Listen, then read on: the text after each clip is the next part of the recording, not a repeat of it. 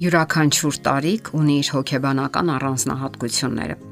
Գոյություն ունեն դասիրակության եւ երեխայի հետ վարվելու առանձնահատկություններ, նաեւ երեխայի կյանքի առաջին տարում։ Պահանջմունքներ բառը մենք հաճախ ենք օգտագործում երեխայի առումով։ Առաջին բանը, որն անցնում է մեր մտքով այդ ժամանակ, հետեւյալն է. քուն, բարուր, կերակրել, լողացնել։ Այո, դրանք իսկապես երեխայի պահանջմունքներն են, սակայն միայն ֆիզիոլոգիական եւ ֆիզիկական։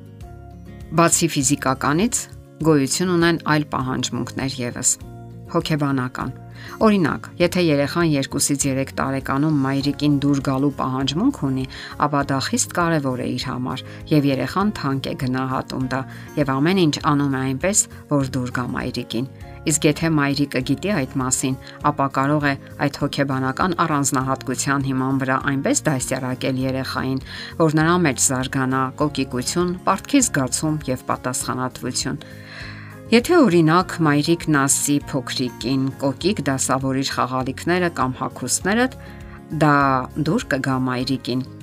Երեխան պատրաստ կլինի դա անել հենց միայն այն պատճառով, որովհետև դա դուր է գալիս մայրիկին եւ ինքն էլ ցանկանում է արժանանալ մայրիկի բարեհաճությանը։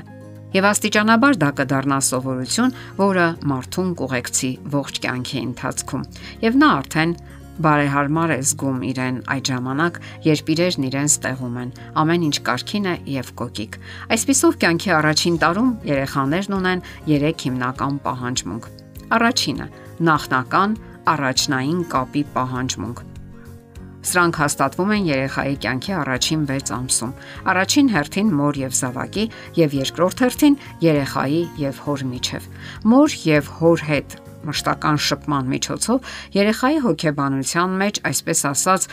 յուրահատուկ արահետ է ձևավորվում, որը հսկայական նշանակություն է ունենալու նրա ապագա կյանքի եւ փոխհարաբերությունների համար։ Եթե այդ կապը չի ձևավորվել, Այսինքն, առաջնային կապի պահանջմունքը չի բավարարվել, այդ անznավորությունը չի կարող իրեն կապել որևէ անznավորության։ Այդպիսի մարդիկ սովորաբար ընտանեկան վատ փոխհարաբերություններ են ունենում, չեն հավատում մարդկանց, չեն ունենում խոր զգացմունքներ եւ ընդհանրապես չեն էլ հավատում, որ նման զգացմունքներ կան։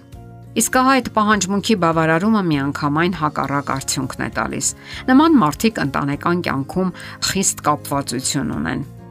Նրանց մարդիկ երբեմն անվանում են միասեր։ Այդ կապվածությունը երբեմն պահպանվում է նույնիսկ սիրելիի մահից հետո։ Դա նկատելի է հատկապես ավակ սերնդի մարդկանց մոտ, ովքեր հավատարիմ են ընտանեկան արժեքներին ու հիշողություններին, դրանք պահպանելով նույնիսկ ամուսնու մահից հետո։ Իսկ եթե եղել են անգամ տարաձայնություններ, ապա արագել հարթվել են առանց որևէ հետևանքի։ Հաջորդը. Երեխան ունի նախնական առաջնային վստահության պահանջմունք։ Սա բավարարվում է նրա կյանքի առաջին տարվա ողջ ընթացքում։ Վստահության ստեղծումը տեղի է ունենում ֆիզիկական կարիքների բավարարման ժամանակ, Եթե նա քաղցած է, նրան կերակրում են։ Եթե պարկելու դիրքը անհարմար է, նրան շրջում են մյուս կողմի վրա։ Եթե տակը թրջել է, փոխում են բարուր աշորը։ Երբեմն այնպես է պատահում, որ երեխան որքան էլ լացում է կամ ճճում, նրան ոչ ոք չի մոտենում եւ չի բավարարում նրա պահանջմունքները։ Իսկ խիստ դայակը կամ էլ անգամ իմաստուն հայրիկը բարբառում է. երեխային չվերցնեք, երես կառնի եւ հետո հիմնախնդիրներ կունենանք։ Կլացի, կլացի ու ձայնը կկտրի։ Եվ իսկապես այդպես էլ լինում է։ Նա ի վերջո ձայնը կտրում է եւ քնում։ Ահա եւ նախնական վստահության նրա պահանջը չի բավարարվել։ Իսկ ինչ սпарնալիք է դա երեխայի համար հետագայում։ Հոգեբանության մեջ այսպիսի հետք է մնում։ Հետագայում նա չի վստահելու մարդկանց։ Մի փոքր պարփակված է լինելու։ Անկեղծության ցանկություն չի դրսևորելու, փակ է լինելու շրջապատի համար։ Իսկ ահա նախնական վստահությամբ օժտված մարդը բաց է զրույցների համար, շփվող անznավորություն է, վստահող է, վստահում է մարդկանց եւ Աստծուն։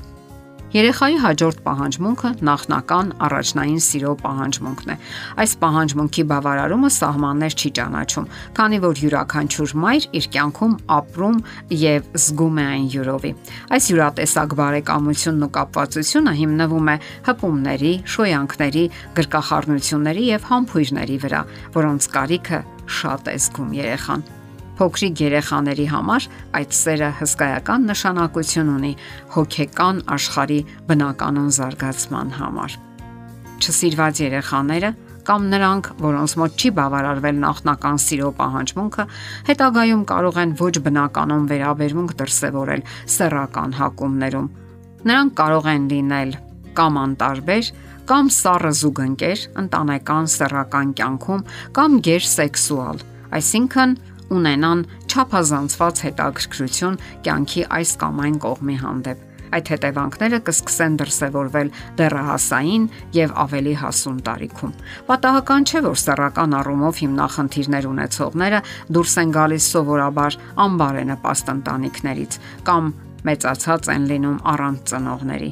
իսկ որոնց մոտ բավարարվել է նախնական սիրո պահանջմունքը, սովորաբար լինում են նրբանակատ ու քնքուշ ամուսիններ, որ ցանկանում են ավելի շատ տալ, քան ստանալ։